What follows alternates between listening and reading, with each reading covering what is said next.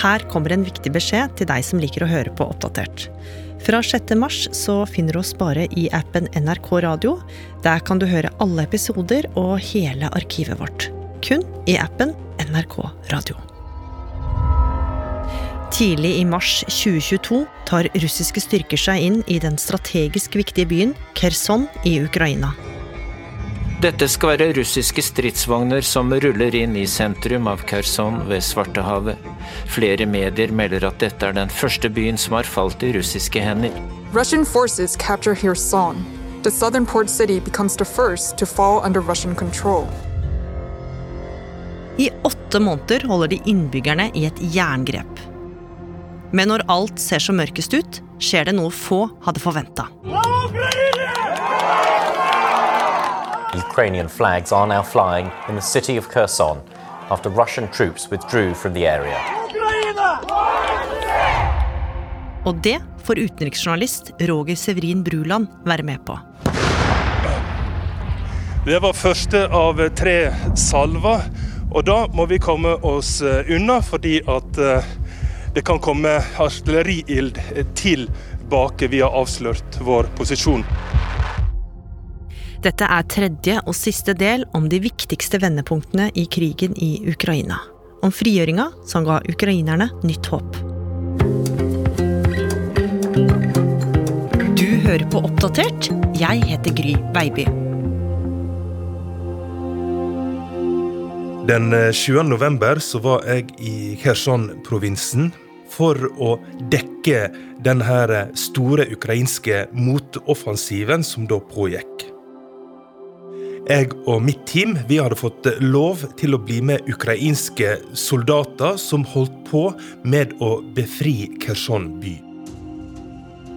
Vi møter da en presseoffiser i byen Mykolajev som eh, kjører i en bil foran vår bil, og så kjører vi i kolonne sånn ca. 7-8 km mot eh, Kherson by. Så vi kom fram til et eh, jorde, og plutselig så dukker det opp en stor lastebil som drar etter seg en diger kanon. Altså det her er da artilleriet M777, som eh, var donert av amerikanerne, som har veldig lang rekkevidde og er veldig presist. De plasserer den eh, i riktig retning mot russiske styrker. Og så henter de fram store granater som de da lader denne her kanonen med.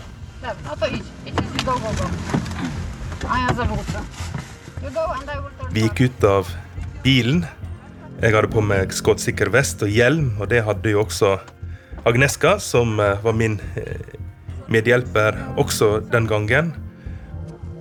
Og hun eh, hadde pakka med seg en diger sekk med alt mulig av førstehjelpsutstyr. Hun er jo brannkvinne og utdanna førstehjelper, så hadde hun med adrenalinsprøyte, morfinsprøyte og alt hun måtte trenge for å behandle katastrofale skader. Jeg husker det at hun glemte å ta med seg den sekken ut av bilen.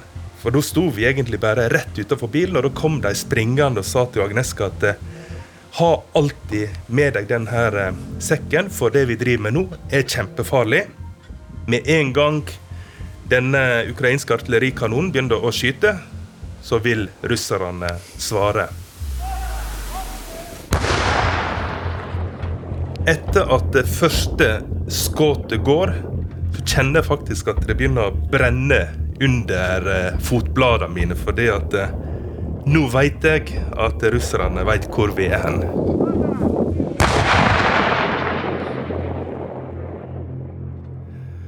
Det jeg ble fortalt, var at eh, denne ukrainske kanonen vil skyte tre granater, og så vil den flytte seg. For etter at den har brukt såpass tid til å ladde om tre ganger og skyte og sikte, så har eh, russerne klart å skyte seg inn på den kanonen. Og da sa jeg til mitt team at eh, vi venter ikke på skudd nummer tre. Kom dere inn i bilen, og så kjører vi alt vi klarer, tilbake til nærmeste by, Mikolajev, og søker dekning der.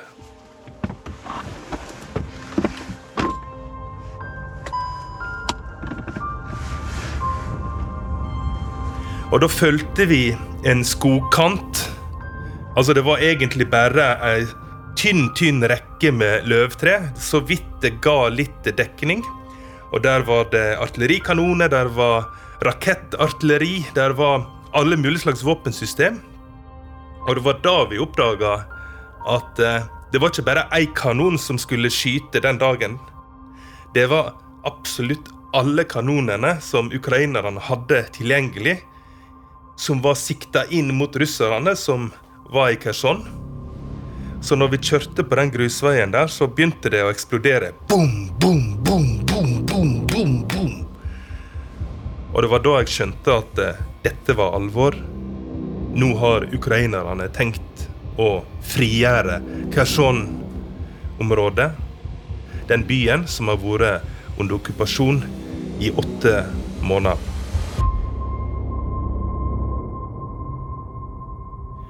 Tre dager seinere er jeg ved fronten igjen. Vi ser eh, kamper ca. 10 km fra der vi kjører, på en eh, trang grusvei. Og vi kommer til en skole som russerne inntil nylig brukte som hovedkvarter og torturfengsel. Я вам скажу чесно, коли перший раз сюди прийшла після звільнення, це був шок просто. Rektor eh, viser oss inn, og vi ser jo at eh, de russiske soldatene har flykta i all hast. Og så kommer vi inn på et eh, vakkert klasserom der det henger sånne flotte barnetegninger på veggen. og Det er liksom gult og rødt og rosa. Nesten litt koselig, men du merker med en gang at det er noe feil. For det lukter liksom urin og angst. Og da ble vi fortalt at det her banka opp folk under avhør. Trakk ut neglene på dem. Noen fikk eh, bare et nakkeskudd, ble, ble skotten og henretta. Og Utenfor så møter vi en gammel mann på sykkel. som Vanlig gammel mann, litt sånn jovial, og vi prata litt om det som skjedde. og Han fortalte at eh, russerne kom til huset deres, tok med seg sønnen deres inn på den skolen. Og den eh, sønnen han kom ikke levende derifra.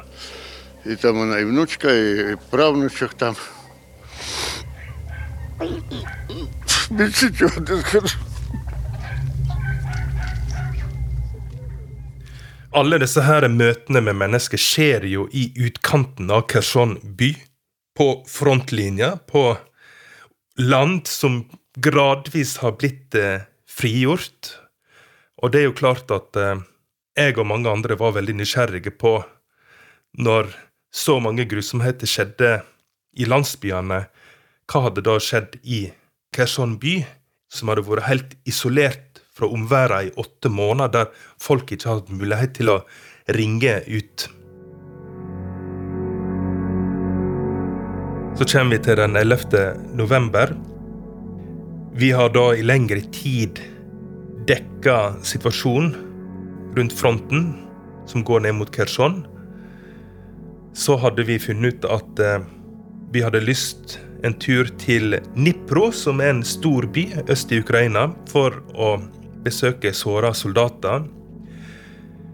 Og Jeg husker jeg sto inn på sykehuset og snakka med ukrainske soldater med ulike skuddskader og brannskader.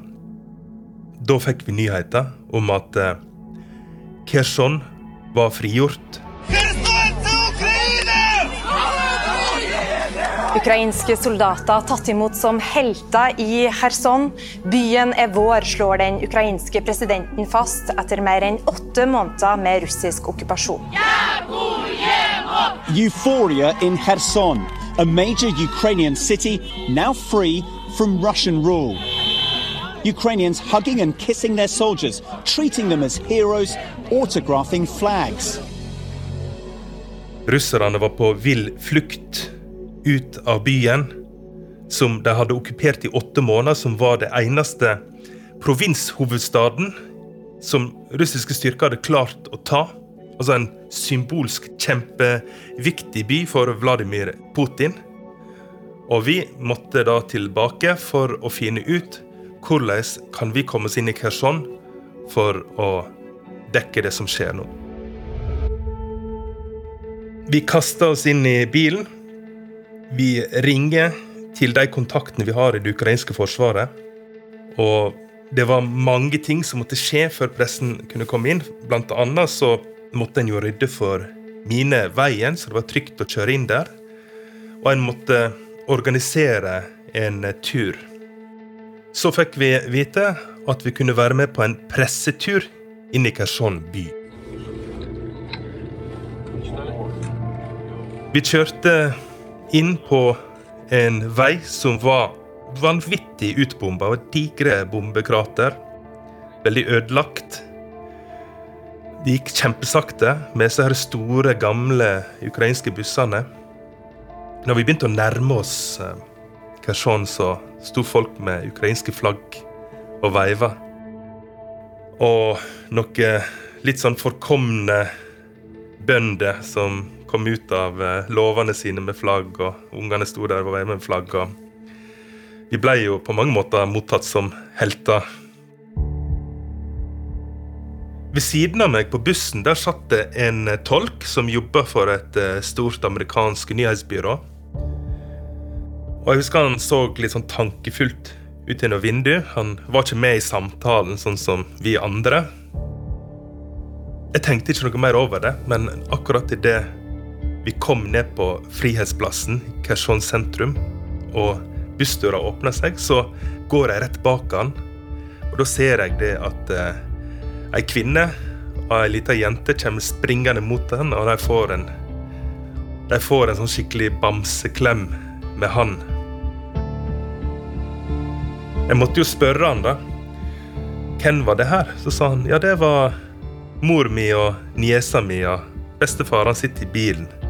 Jeg har ikke snakka med dem på åtte måneder. De har levd under okkupasjon. Ingen av oss visste om den andre var levende eller død.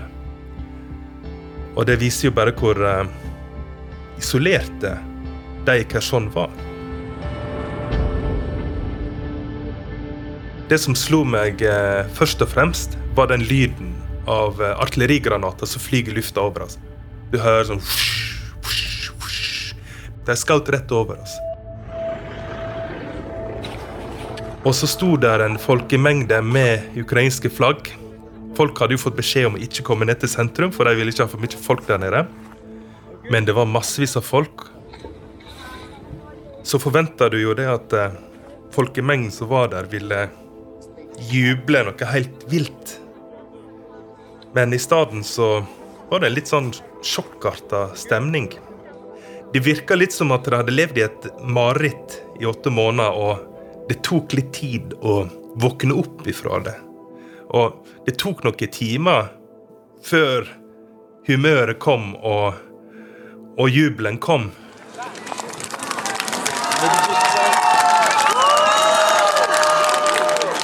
Folk er kjempeglade. De uh, syns det er stas nå. Uh, når Zelenskyj kom jo akkurat for, til uh, full jubel, så Jeg står og snakker med kollegaen min, direktesendt på fjernsyn.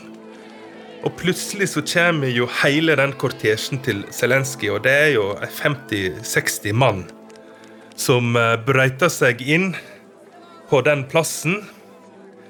Og jeg tenker jo Der kom Zelenskyj. Og vi var jo like overraska begge to, både jeg og programlederen.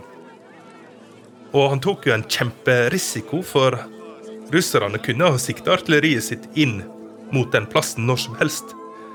Men jeg tror også de ble overraska, så de rakk heller ikke å gjøre det. Og han fikk holdt sin viktige tale. We are in Kherson, and uh, so you see the reaction of the people. I think that is the answer.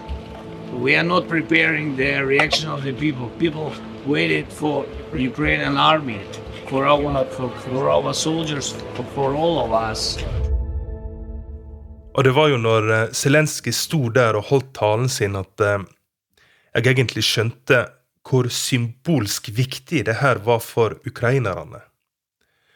At de klarte å ta tilbake en viktig provinshovedstad for eh, Kherson fylke, og at det var trygt nok for landets president å reise dit like etterpå for å holde en tale til hele verden. Vi var vel kanskje fire-fem timer i Kherson totalt, og så skulle vi tilbake igjen. Og da var det jo mange som hadde senka skuldrene. Mange som hadde tatt av seg de skuddsikre vestene og hjelmen. En trodde det var trygt, for ting var rolig. Og så kom vi akkurat opp til eh, porten av byen. Der er en liten paviljong. Der hadde Zelenskyj akkurat eh, posta på Twitter at han hadde gitt noen soldater medalje. Så det var det mange journalister som ropte til bussjåføren kanskje vi stopper her, vi har lyst til ut og ta selfie. Og alle ut av begge bussene ut og tok selfie. og Folk prata, folk var letta. Plutselig så begynner det å smelle rundt oss. Og da er det russiske eh, artillerikanoner som skyter i retning av denne paviljongen der vi står og tar selfier. Jeg tror det nærmeste nedslaget var kanskje 70-80 meter unna oss. Men da smalt det godt, altså. Sånn at det, det rista i bakken. Det var egentlig det nærmeste jeg kom eh, å bli drept i eh, Ukraina, eller hardt skadd. Det var jo en krevende situasjon, for det var jo så masse journalister som skulle inn igjen i bussen. Men vi eh, skunda oss inn på bussen og forlot Kherson for denne gang. Jeg kom jo til Ukraina dagen etter krigen brøt ut. Og vi trodde jo alle at uh, Kiev ville falle bare på noen få dager. Det skjedde ikke. Det eneste som falt, var egentlig uh, Kherson by.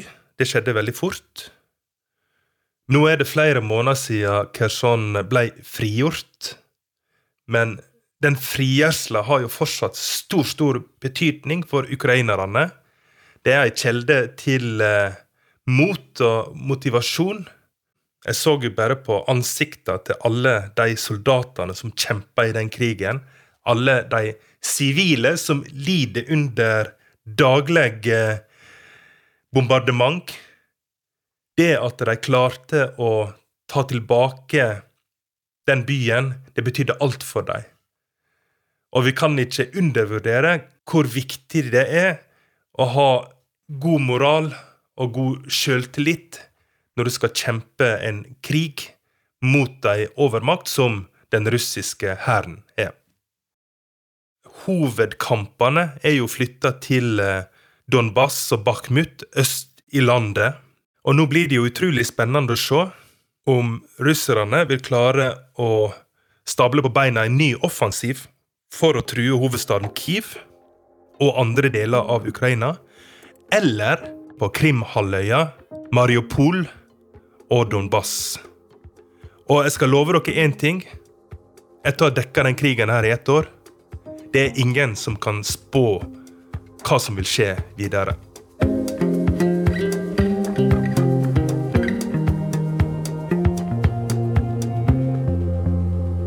Du har hørt tredje og siste episode om de viktigste vendepunktene i krigen i Ukraina.